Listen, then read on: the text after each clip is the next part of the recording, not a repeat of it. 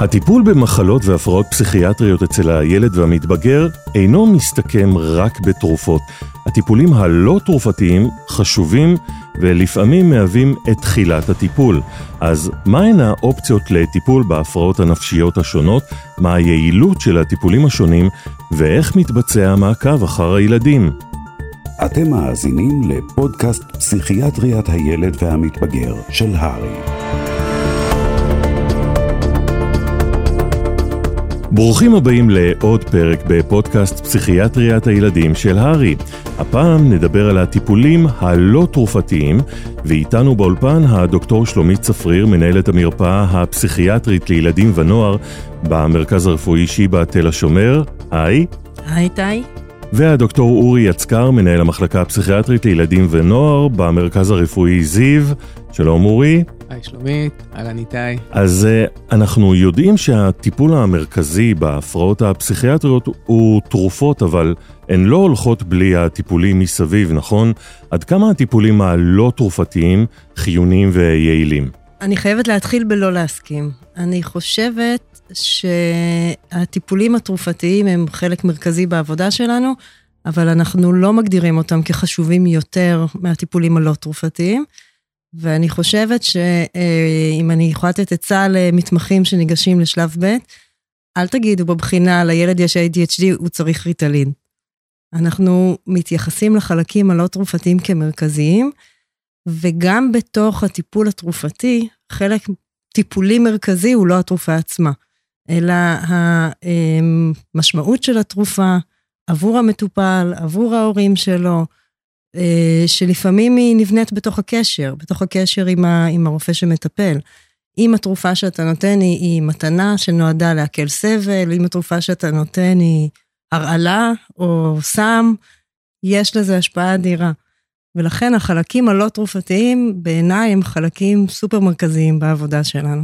אולי הבעיה שלנו הרופאים ואנשי המדע מהטיפולים הלא תרופתיים שהם לא כל כך מדידים בניגוד לתרופות, שבתרופות אתה נותן מינון מדויק, אתה יכול לעקוב אחריו, אתה יכול למדוד אותו. אורי, מה דעתך? כן, אז קודם כל אני מצטרף ככה שלומית למה שאת אומרת, וגם בתשובה לשאלה ששאלת כרגע, אני חושב שצעד אחד אחורה יש, הוא השאלה במי אנחנו מטפלים ובמה אנחנו מטפלים. ו, וכפסיכיאטרים לילדים ונוער, אנחנו לא רואים את עצמנו מטפלים ב, בסימפטום או, ב, או באיזושהי אה, תלונה. אנחנו רואים את עצמנו מסתכלים בצורה יותר רחבה על הילד, על ההתפתחות שלו, על המשפחה שלו, ואנחנו בודקים את עצמנו מה דרגות החופש של הילד, כמה הוא מתפתח אה, נורמטיבית. ופה אנחנו באמת, אה, החלק הלא תרופתי הוא מאוד מאוד משמעותי. אפילו, כמו ששלומית אמרה, לא רק לא להתחיל בתרופות שעונים על שאלה, אלא אפילו זה החלק אולי הפחות אינטליגנטי של, של המקצוע. והמעגלים שאנחנו מסתכלים זה בעצם איפה הילד בשלבים ההתפתחותיים שלו, איך לעזור לו מבחינה חברתית, איך לעזור להורים שלו, איך לעזור למערכת, ורוב הדברים האלה הם דברים באמת אה, שהם לא תרופתיים, והם באמת התבוננות על המערכת, ולהתמקד במי ובמה אנחנו רוצים לטפל, שזאת ההתפתחות ואיכות החיים של, ה, של הילד. אז אה, הרמת להנחתה, בואו נקפוץ ישר למים. אולי נעבור קצת על האופציות הטיפוליות הלא תרופתיות שיש לכם בארסנל. ומה מתאים למה? טוב, אז יש לנו המון כאלה, ואני חושבת שזה, כמו שאמרת, זה אורי אמר, החלק האינטליגנטי של המקצוע, לדעת מה מתאים למה. כי הרבה פעמים מה מתאים למה זה לא רק פונקציה של אה, מה ההבחנה, אלא זה גם פונקציה של מי הילד, מי המשפחה, מה הכוחות, לאיזה סוג של טיפול הם יכולים להתחבר ו- ולהיעזר בו, מה יותר מתאים להם, מה פחות מתאים להם. למשל, כשאני מסתכלת על טיפולים לא תרופתיים, אני אסתכל האם אני רוצה לבחור טיפול שהוא מוכוון להפחתת המצוקה, או אם אני מחפשת טיפול שהוא מוכוון לשיפור התפקוד, זה דגש אחר. ולפעמים הפרוטוקול הטיפולי שאני אבחר הוא יהיה אחר. רגע לפני שנפרט קצת על האופציות הטיפוליות, מאיזה גיל אפשר אה, להתחיל בטיפול לא תרופתי, בטיפול אה, פסיכולוגי, פסיכותרפי אה, ואחרים, יש איזשהו אפס. גיל מינימלי? אפס? אפס, בטח. וואו. כן. אם אני אתן דוגמה ככה לגיל אה, אפס ו, וקצת, אז כש, הרבה פעמים כשאתה מסתכל על אה, אימהות שמגיעות בדיכאון אחרי לידה. דיכאון אחרי לידה הוא אה, לא רק פתולוגיה של האימא, הוא גם פתולוגיה של הקשר הורה-ילד, הוא גם פתולוגיה של ההתפתחות של התינוק, הוא גם פתולוגיה של ההורות, והרבה פעמים אם אתה מטפל רק בדיכאון אחרי לידה ונותן אה, פרוזק, אתה אחר כך נשאר עם נזקים גם התפתחותיים של התינוק, וגם נזקים של, ה, של הדימוי העצמי, של הזהות האימהית, של ההורות, אשמה, אה, הרבה מאוד דברים בתוך הקשר שלפעמים מלווים אותו כל החיים אחר כך. ואני רוצה רגע להתייחס לחלק הלא תרופתי כאן, אז כשאתה מסתכל על הטיפול הלא תרופתי בדיכאון אחרי לידה, אז אחד הטיפולים הכי יעילים שאנחנו מכירים זה טיפול דיאדי, שנמצאים בחדר אימא ותינוק, ואתה אומר, בשביל מה אני צריך שם את התינוק? צריך שם את התינוק. השינוי הרבה יותר יעיל ומהיר בנוכחות התינוק, וגם הדיכאון הרבה יותר ברור וקל להבחנה כשרואים את האימא בנוכחות התינוק שלה. אה, את החוסר אמ, הנאה, חוסר משחקיות, איזה דברים שאתה רואה מול התינוק. ובמקומות האלה, באמת, מגיל אפס, אתה מטפל. וגם כבר מגיל אפס, בתשובה לשאלה הקודמת, אתה צריך להתאים את זה באמת למקום הנכון. לפעמים אתה עושה ממש עבודה עם ההורים, ממש טיפול בהורות, לפעמים הדרכה להורים, והרבה מאוד זה באמת, כמו ששלומית אמרה, הטיפול המשותף, שכולם נוכחים בחדר, ואתה עובד על התקשורת, על ההתפתחות, על העבודה של המערכת המשפחתית יחד, בשביל ההתפתחות של התינוק והילד.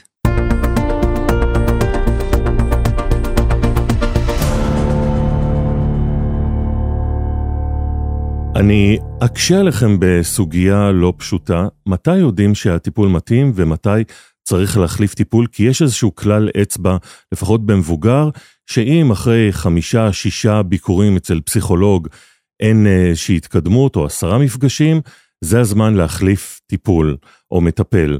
מה קורה בילדים? יש איזה כלל אצבע? אז זה באמת חוזר לשאלה הראשונה שדיברנו עליה. אמ, הכלל, הכלל בכלל, בכלל שמנחה אותנו ככה בטיפול בילדים הוא באמת, ה, כמו שאמרתי קודם, ההתפתחות של הילד, איכות החיים של הילד וה, והמשפחה.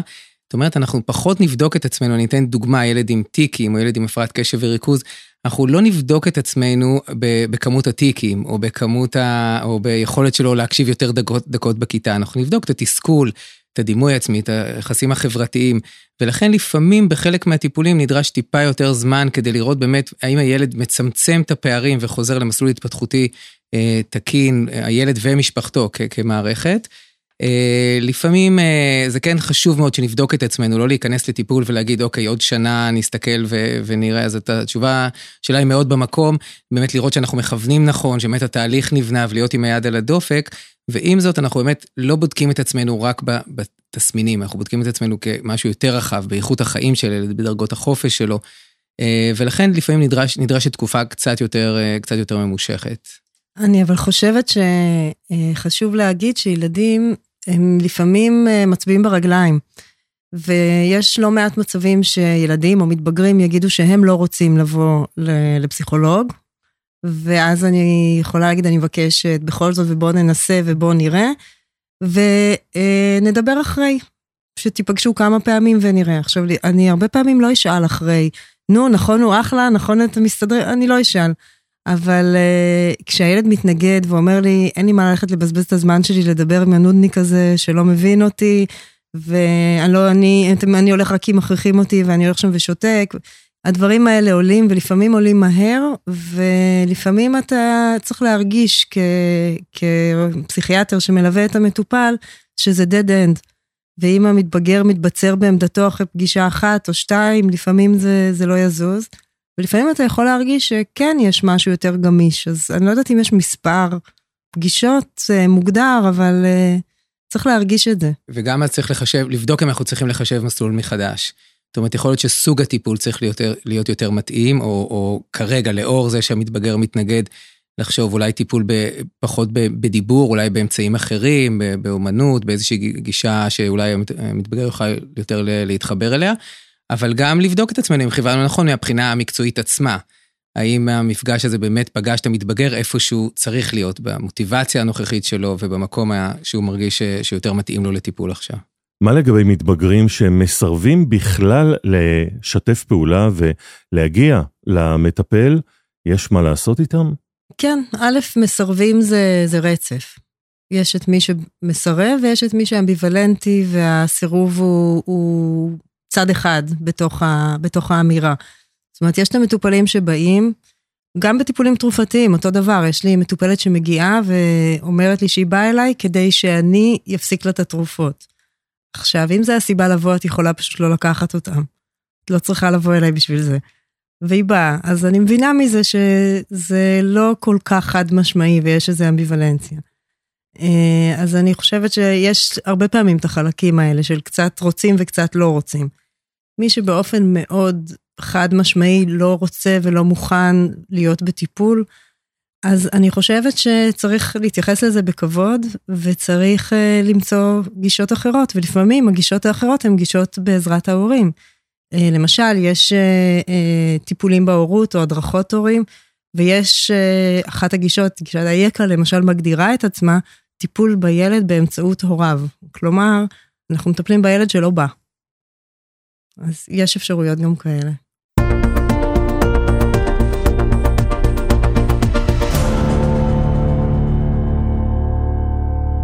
בואו אה, נעבור אולי על סוגי הטיפולים העיקריים הקיימים שהם לא תרופתיים. מה יש לכם אה, להציע לאוכלוסיית הילדים והנוער?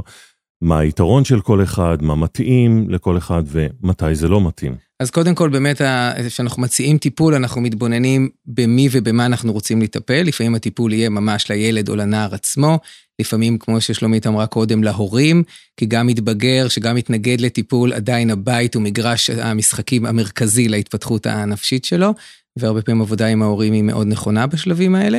אז אם אנחנו מדברים על, ה, על הטיפולים באמת הגישות הטיפוליות עצמם, אז, אה, אז יש לנו טיפולים שהם טיפולים אה, אה, יותר דינמיים, פסיכולוגיים, שבאמת מגיעים ועובדים על התהליכים בצורה יותר עמוקה ויותר איטית כאיזשהו טיפול מתמשך. יש לנו טיפולים שהם יותר ממוקדים, שהם, זאת אומרת, בדרך כלל קבועי זמן ככה יותר קצרים בדרך כלל, שאחד הטיפולים הוא, הוא CBT, שזה טיפול התנהגותי קוגניטיבי, בצורה הקלאסית שלו הוא טיפול לחרדה, שבעצם קובעים תוכנית סביב חרדה ספציפית או סביב חרדה שיש לילד, תוכנית שהיא גם שינויים בהתנהגות, ביכולת של ילד להתמודד, וגם בחשיבה שלו על הפחד, על ה... אה, והיום יש הרבה גישות שהן גישות... אבל ש... אורי, אולי כדאי לתת דוגמה. למשל אה, CBT, אם אנחנו מדברים על אה, CBT לחרדה חברתית. בחרדה חברתית, המטופל יבוא ויתאר שקשה לו לדבר לפני הכיתה, למשל. או שקשה לו לדבר עם אנשים שהוא לא מכיר, או לבקש עזרה, או להזמין בבית קפה. אז אנחנו יודעים שאפשר להתערב גם במקום של המחשבות. למה קשה? מה יקרה? תדבר, כולם יצחקו עליך, כולם יחשבו שאתה אידיוט, זאת אומרת, גם במקומות של המחשבות, גם במקומות של התחושות הפיזיות, אתה תרגיש את החרדה, אתה תסמיק, ידפוק לך הלב, אתה מרגיש כל מיני תחושות פיזיות, וגם אה, במקומות של ההתנהגות. שבמקומות של ההתנהגות זה מקומות שהאדם עם חרדה חברתית או לא ידבר או לא יבוא, יהיו כל מיני סוגים של הימנויות. כלומר, ממש הפסיכולוג יוצא איתו לשטח? כן, אז גם אנחנו אה, מגד... יוצאים לשטח וגם אנחנו בונים בעצם את החשיפה ההדרגתית אה, שהיא נבנית באופן אה, נדבך על נדבך. מתחילים ממה שיהיה יותר קל ונחשפים ועושים את זה. ועושים את זה מספיק פעמים, מספיק זמן, כדי להרגיש שהחרדה אולי קצת עולה, אבל אחר כך יורדת, ואני כמטופל שמתמודד איתה בשליטה, לא התפרקתי, זה היה בסדר. אז אם אני אה, חוזרת לדוגמה של חרדה חברתית ואומרת שלמשל, אה, הילד אמר לי, הכי קשה לי אה, לדבר עם אנשים שאני לא מכיר. אה, אחר כך מקום שני, קשה לי לדבר עם אה, ילדים שאני לא מכיר. וקצת יותר קל לי לדבר עם אנשים שאני לא מכיר, שאני כן מכיר, נגיד שכנים או חברים שנים מהעבודה, אבל לא דיברתי איתם אף פעם. אז אני אומרת, אוקיי, בוא נתחיל מאלה שאנחנו כן מכירים. וניתן תרגיל, בוא, התרגיל יכול להיות בפגישה איתי, למשל, אה, ללכת למזכירה במרפאה ולבקש ממנה, אה, לא יודעת, אה, שתיתן לו כוס מים.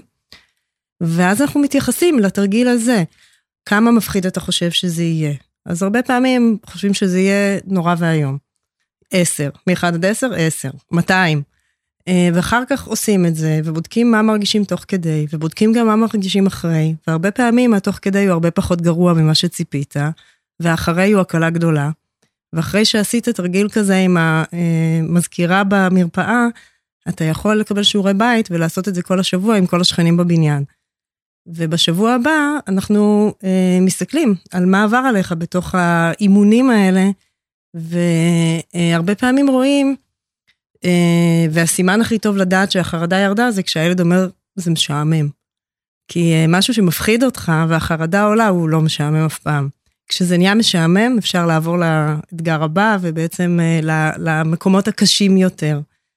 אה, אז אני חושבת שזה ככה דוגמה כללית ככה למה זה אה, CBT.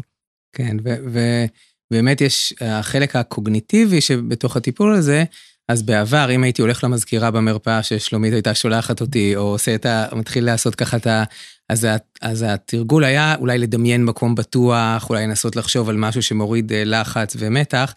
והיום, בשנים האחרונות, כבר הרבה שנים האחרונות, נכנסים, נכנסות כל הגישות של המיינדפולנס, של המיינדפולנס וחמלה עצמית, שהן היום אולי המובילות בתחום, בתוך ה-CBT, הדור השלישי, שבעצם אומר, אנחנו כן נשעה עם התחושות עכשיו, לא נברח מהן, נעשה את אותן פעילויות בדיוק כמו ששלומית הגדירה קודם, אבל אנחנו נתבונן בתחושות ונלמד אה, איך אנחנו מצליחים לתפקד למרות התחושות, לא להסיט את המחשבה למקום אחר, ואלה גישות שהיום המון המון הורים ומשפחות פונות ושואלות על, ה, על כל התחומים האלה, ובעצם המטרה היא להיות עם, עם הקושי ולעשות את החשיפות, כמו ששלומית אה, אמרה. כי בעצם אנחנו מדברים על זה שאתה אה, יכול עדיין לחוות חוויות שליליות, רגשיות, ולהרגיש איזושהי מצוקה, אבל היא לא מנהלת אותך, ואתה עדיין בשליטה ואדון לחיים שלך, ואתה יכול ללכת וקצת לסבול, ולראות את זה, שאתה עושה את זה כאילו עם איזושהי מידה של אה, קבלה גם של החוויה השלילית הזאת.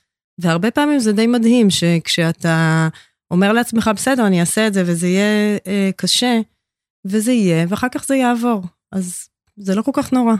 שלומית, אני רק אוסיף, בתחום של המיינדפולנס וחמלה עצמית, משתלבים עוד שני מעגלים, שמעגל אחד מדבר על ה-self-kindness, על היכולת של השיפוט העצמי והביקורת העצמית, שלפעמים במתבגרים זה איזשהו כדור שלג שבאמת סוחף אותם להרבה מאוד מקומות, הפרעות אכילה, מקומות אחרים של דימוי, והחלק של ה-common humanity, שזה חוויית הבדידות, שגם שם המתבגרים עסוקים המון, גם ילדים, גם מתבגרים עסוקים המון בחוויית השונות שלהם, הבדידות שלהם, חוסר שייכות שלהם, וזה עוד נדבך ש, שמשתלב באמת לטיפול הזה. אגב, הזכרת משהו שעולה המון בשנים האחרונות, במיוחד אחרי מגפת הקורונה, כל העניין הזה של דימוי עצמי, של דמויות שהם רואים ברשתות החברתיות, אה, ערך עצמי נמוך והפרעות אכילה, איך בכלל אתם מתחילים לטפל בדימוי עצמי נמוך? אפשר לשנות את הדימוי העצמי? אז דימוי עצמי זה באמת אה, מסע שהוא קיים מאז ומעולם, ויש תיאורים גם אה, מההיסטוריה הרחוקה עוד הרבה לפני המדיה החברתית, אבל באמת החשיפה הכל כך משמעותית למדיה חברתית מאוד העצימה את זה.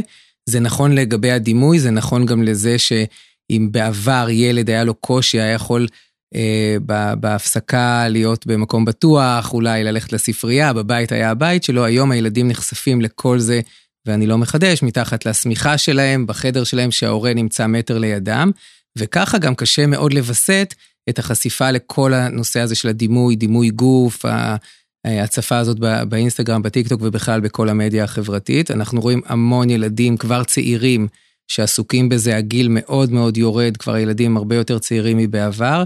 יש משהו שההורים יכולים לעשות כדי למנוע את ההידרדרות? אז קודם כל זה בשני מישורים.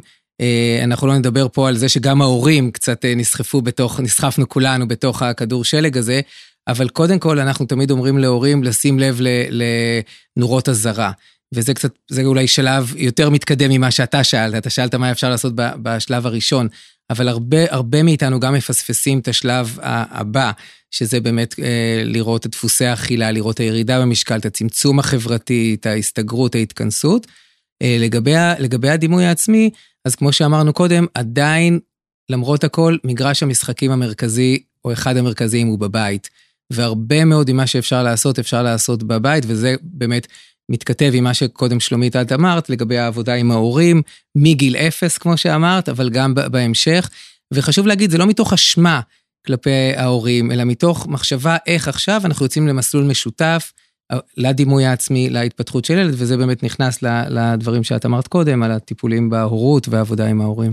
מה לגבי טיפול בהיפנוזה? יש כזה דבר בילדים, ומה זה דורש כדי שהילד יהיה מה שנקרא סוגסטיבי ושזה יעבוד עליו?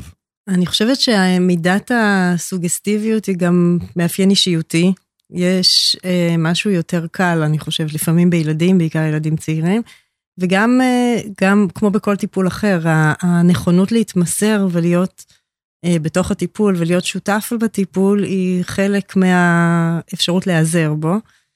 אה, אני חושבת שזה טיפול שהוא פחות שכיח בשימוש לעומת הדברים האחרים שתיארנו, אבל, אבל יש לו מקום. אני חושבת שיש עוד תחום נוסף של טיפולים שככה לא הזכרנו ושחשוב לי להזכיר, וזה טיפולים שהם יותר מוכוונים לתפקוד או לאיזון עיסוקי בין תחומים שונים בחיים, ושם נכנסים לא רק טיפולים פסיכולוגיים, אלא גם טיפולים למשל של ריפוי בעיסוק. והריפוי בעיסוק בבריאות הנפש לא כל כך מתעסק באחיזת טיפרון וגזירה, אלא יותר באמת במקומות שקשורים, אמ, למשל, בתחום של הפרעת קשב, בתפקודים ניהוליים, בהתארגנות, אה, בוויסות, בוויסות עצמי. זאת אומרת, יש גם עוד תחום שלם של טיפולים שהוא שם. כלומר, לילדים שאובחנו ב-ADHD, יש מקום לרופא הילדים בקהילה לשלוח גם לריפוי בעיסוק, ומה לבקש... במגבלות הסל והאפשרויות כמובן, שזה, אבל, אבל כן. יש גם דרך יש המושלם. גם, uh, כל, יש גם טיפולים ספציפיים מוכוונים לקשיים שקשורים באמת, ב, ב, למשל, בתפקודים הניהוליים בהפרעת קשב. שם התרופות עובדות פחות טוב, אז uh, טיפולים שמשלימים אחד את השני. אה, ומעבר לדברים שהזכרנו עד עכשיו, יש משהו עקרוני שאני רוצה להגיד לגבי טיפולים לא תרופתיים. טיפול לא תרופתי צריך להכיל אה, אה, שני מימדים כשאתה מסתכל על, על איזה טיפול אתה שולח את הילד. אחד, זה מי הבן אדם. שיש קשר, שיש תחושה שהמטפל, אתה מתחבר אליו, שהוא מבין אותך, שאתה יכול להיעזר בו, בבן אדם הזה שמולך. והחלק השני, וזה חלק לא פחות חשוב, זה החלק של ההכשרה המקצועית והמיומנות. אמ, ובחלקים האלה, בטיפולים לא תרופתיים, יש קצת סכנה של אה, אה, זליגה. שאתה לא תמיד, ההורה או הילד יכול להעריך אה, מה המטפל שמולו יודע לעשות ומה הוא עושה. ובמקומות האלה ההכשרה והניסיון הם, הם קריטיים. לא כל מי שיש לו ילד והתנסה בלהיות הורה, הוא יכול לתת הדרכת הורים או טיפול בהורות להורה אחר. יש אה, מיומנות מקצועית שהיא אה, אה, בסיסית וצריכה להיות שם. ואני אומרת את זה כי גם אה, כשככה לפעמים שואלים על רכיבה טיפולית, אז אה, חשוב לי להגיד, הסוס לא מטפל באף אחד, הסוס הוא סוס. אה, הוא אולי כלי, כמו שבטיפול באומנות, אז, אז יש מטופלים שהמדיה הלא מילולית היא מתאימה להם יותר, אבל זה טכניקה. והסוס עצמו אין לו איזה מיומנויות אה, מי יודע מה, טיפוליות. ולכן אני חושבת שזה חשוב לדעת גם אה, שמרגישים נוח ושמרגישים בטוב עם המטפל ושיש אמון בו, אבל גם שהוא יודע מה הוא עושה. אני באמת חושב ש, שזה מאוד מאוד חשוב החלק המקצועי ושולחים למטפל שבאמת יש לו ניסיון, ידע והכשרה מתאימה. אני רוצה כן רגע לדבר על המדיה. לפעמים האמצעי הוא מאוד מאוד חשוב. זאת אומרת, אם אני עברתי טראומה, אפילו טראומה קשה, ואני לא יכול, לא מצליח לדבר על זה מילולית, אז כמה שהמטפל יהיה מקצועי, לפעמים דווקא אם אני אשב ויביע את זה באיזושהי הבעיה ויצירה, באומנות, דרך ביבליותרפיה, או דרך באמת אה, רכיבה טיפולית, אה, האמצעי לפעמים הוא כלי, הוא גשר לפעמים מאוד מאוד משמעותי ליכולת להנגשת הטיפול ולהגיע לאזורים מאוד מאוד חשובים בטיפול, אפרופו היפנוזה ששאלת קודם. ועם זאת, אנחנו באמת, אה, ככה, כמו ששלומית אמרה, עם היד על הדופק, כי מאוד מאוד חשוב שגם המטפל יהיה מקצועי וידע באמת איך לאסוף ואיך לעשות את, את התהליכים החשובים האלה. אז אורי, אולי אתה צריך כאן קצת לחדד, מה ההבדל בין שיעור אומנות לטיפול באומנות, או מה ההבדל בין חוג שיכול להיות בכל תחום, לבין כשזה נהיה טיפולי? כמובן שיש הבדל אה, מאוד מאוד משמעותי. אנחנו באמת חושבים שפעילות גופנית, שיעורי אומנות וכל הדברים האלה הם מאוד מאוד חשובים. אה, לגוף ולנפש, אבל באמת בטיפול זה צעד אחד או כמה צעדים הרבה יותר פנימה, הרבה יותר לנפש, שאנחנו נמצאים בטיפול, אנחנו מורידים שכבות הגנה, אנחנו מגיעים לאזורים מאוד מאוד פגיעים, שמשם האפשרות היא דרמטית וקריטית לצמיחה וריפוי, ומצד שני שהפצע פתוח זה גם מקום שיכול, אה, אם אני אקח את המטאפורה הזאת, להזדהם או להחמיר. ו, ובאמת בטיפול רגשי חשוב שהמטפל ידע איפה אנחנו נמצאים, מה הילד חשף, מה המשמעות של מה שהוא חשף, איך עושים את העבודה, איך מנגישים להורים. ו, ופה באמת את מאוד מאוד צודקת שכאן חייבים מקצועיות ומקצוענות והדרכה ו, ומשהו שהוא ממש ממש אה, קריטי לנפשו של הילד והמתבגר מבחינה טיפולית. וחשוב ככה להזכיר עוד ככה כמה טיפולים, אז הבעה ויצירה ככה דיברנו עכשיו. אה, יש כל הנושא של טיפול בהורות, ששלומית הציגה קודם, זה ממש גישה טיפולית, זה לא רק אה, איך מדריכים את ההורים, זה ממש עושים את העבודה הטיפולית עם ההורים בקשר לילד. יש הרבה אנשים שמובילים את זה בארץ, כמו פרופסור אסתר כהן, והרבה גישות ככה ש, של, שהיום אה, הולכות ומתעצמות ומתפתחות בארץ, כמקום שאחד המובילים בעולם בתחום. ויש גם גישה שהרבה היום שואלים עליה, שנקראת DBT, שזה טיפול דיאלקטי התנהגותי. שהבסיס שלו היה לטיפול בהפרעות אישיות גבולית, שזה בעצם איזושהי גישה טיפולית שעושה דיאלקטיקה, דיאלקטיקה זה איזשהו אה, מעבר עדין או ממשק בין התיקוף, זאת אומרת בין היכולת לבוא לילד, לנער ולהגיד, אנחנו יודעים שאתה עושה הכי טוב שאתה יכול, לחזק אותו, לתת לו, לבין הצורך לשינוי. ובעצם עובדים שם ממש על, על מודולות של ה... הוויסות הרגשי, של היחסים הבין-אישיים, של המודעות עצמית, וגם לשם נכנס המיינדפולנס שהזכרנו קודם, התמודדות עם תסכולים.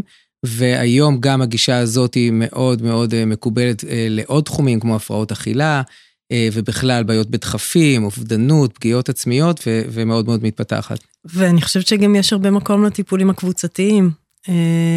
בעיקר במתבגרים, אנחנו יודעים ש... המעגל החברתי של קבוצת השווים הוא מקום של אימון ושל התפתחות ושל תרגול של מיומנויות אה, שנרכשות בשנים האלה, של חברות, של אינטימיות, של קשר, של להצליח להביא את עצמך, ומצד שני גם להיות מספיק פתוח וקשוב לאנשים שמולך, של להיות מסוגל אה, להיעזר בקבוצה, והרבה פעמים אנחנו יודעים שהכוח של קבוצה, הוא מאיץ תהליכים אה, אה, נהדר, גם מתוך התחושה שאתה לא לבד, שאתה לא היחיד שסובל מקושי מסוים, אני חושבת שיש לזה ערך גדול, וגם מתוך התהליכים שקורים בתוך קבוצה, שבחלקם אתה עד לדברים שקורים גם אצל אחרים, או שאתה חווה או מתקדם דרך דברים שקורים למטופלים אחרים. הכוח של קבוצה, אנחנו רואים אותו גם בעבודה עם הורים. קבוצות הורים הם הרבה פעמים אה, קבוצות מאוד אה, חזקות ומשמעותיות, ולפעמים גם שם יש קיצור אה, דרך מאוד מהיר לשינוי. ואני חושבת שעוד ככה מודליטי שחשוב להזכיר זה הטיפולים המשפחתיים. כי הרבה פעמים כשמגיע ילד עם בעיה, ובאים בגלל הילד, הילד הוא, הוא זה שמחזיק דגל של משהו בתוך הדינמיקה המשפחתית. זאת אומרת, כשמגיעים ואומרים לי, הילד הזה לא מסוגל להירדם לבד, הוא עובר אלינו למיטה, או אמא צריכה לישון איתו, או כל מיני כאלה, לפעמים זה קשור לחרדה של הילד. לפעמים זה קשור גם לעוד דברים אחרים, ב, ביחסים בין ההורים, בדינמיקות המשפחתיות, אה, בקושי של אחד ההורים לשחרר את הילד לישון לבד, יש שם כל מיני דברים שיכולים להיות, אז הרבה פעמים הטיפול בילד לבד ולא במערכת המשפחתית הוא לא מצליח לעשות את השינוי המשמעותי.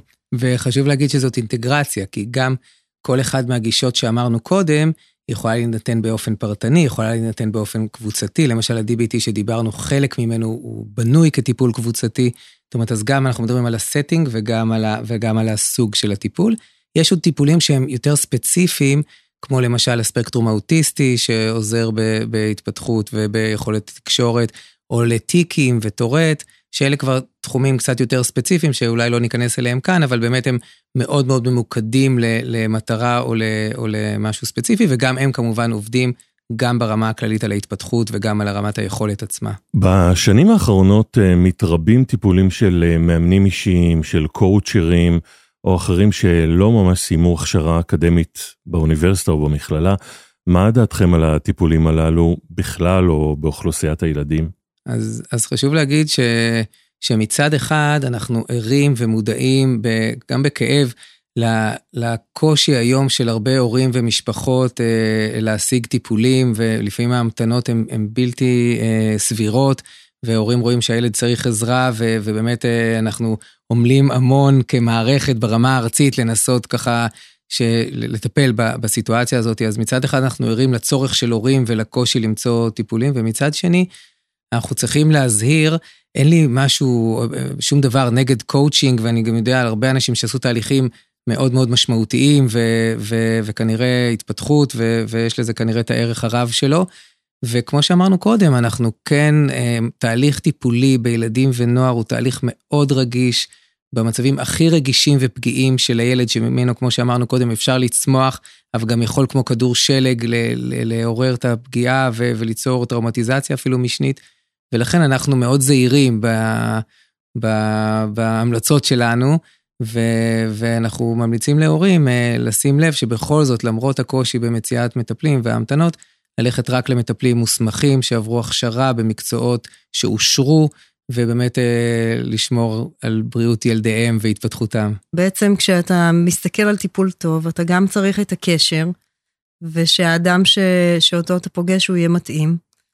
אה, ואת האישיות המתאימה או את החיבור המתאים הוא לא תמיד פונקציה של אה, הכשרה או השכלה, אבל אתה צריך גם את המיומנות המקצועית ואת ההכשרה.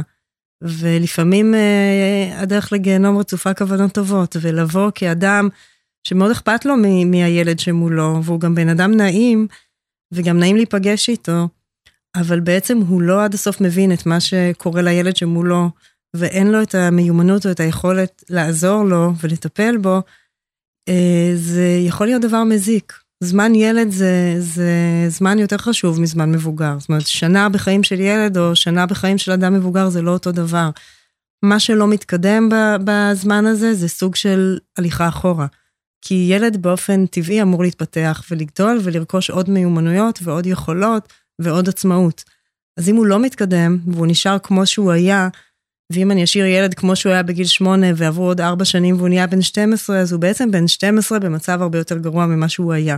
אז במקומות האלה, אני חושבת שאנחנו צריכים לעשות את המאמץ, למצוא איש מקצוע שיודע מה הוא עושה, ושגם אה, נוצר איתו קשר טוב. צריך לא לוותר על שני המרכיבים האלה. אנחנו יודעים שהתורים אה, לנושאי בריאות הנפש מאוד מאוד ארוכים, גם לפסיכיאטרים, גם לפסיכולוגים. יש אה, משהו לסיום שהייתם אה, ממליצים לרופאים בקהילה להפנות אה, ילד שנראה במצוקה עד שהוא מגיע אליכם לתור? אז, אז קודם כל באמת זאת נקודה מאוד רגישה שציינת. כן, אנחנו יודעים שיש התעוררות מאוד מאוד חיובית בקרב רופאי ילדים, רופאי משפחה, מודעות, מודעות מאוד מאוד משמעותית בקהילה, במוסדות חינוך, מחלקות לשירותים חברתיים, ואנחנו כן מצליחים לראות ש, שהשותפות הזאת עוזרת גם להפנות יותר מהר וב, ובמצבים יותר מוקדמים שעוד אפשר לעזור. אה, בעיקר, בעיקר חשוב לשים לב לנורות אזהרה, ולא לפספס אה, נורות אזהרה למרות התורים ולמרות אה, הקושי בלהשיג, ולדעת כן להפנות בזמן וכן להאיר את תשומת, את תשומת הלב בזמן. יש היום הרבה הכשרות שנעשות אה, לרופאים בקהילה, וגם בזה אנחנו כל הזמן ככה רוצים, אה, אני אתן אולי דוגמה, נגיד מגיע ילד עם הפרעת קשב וריכוז קשה, אה, שמשפיעה עליו מאוד, היינו רוצים שמצד אחד רופא בקהילה כן ידע אולי לעזור ו- ו- ולהכווין, ומצד שני, דבר כזה דורש טיפה יותר זמן וטיפה יותר ידע. כי אם קשה לי בקשב וריכוז, יכול להיות שזה בגלל שההורים שלי מתגרשים עכשיו, ויכול להיות בגלל שקורה לי משהו, אני עובר איזשהו בולינג, או אני בחרדה או בדיכאון, אז חשוב לא לחפש מתחת לפנס, אלא באמת איפה שאיבדנו את המפתחות. וגם אנחנו לא מטפלים, כמו שאמרנו קודם, בסימפטומים, אלא באמת באיכות החיים, מה המצוקה שזה גורם לילד. ככה שאנו מאוד מאוד רוצים שותפות עם הרופאים הראשוניים, וצריך לאפשר להם אבל את הזמן ואת הידע ואת ההכשרה המקצועית באמת כדי לדעת איך לגשת לילד במצבים האלה ואיך לעזור לו ולטפל בו. ואני חושבת שאתה גם מסמן משהו שאם אנחנו מסתכלים על תהליך ההכשרה המקצועית, שאנחנו, יש לנו כמה חורים. זאת אומרת, בבית ספר לרפואה הדברים האלה לא מספיק מדוברים.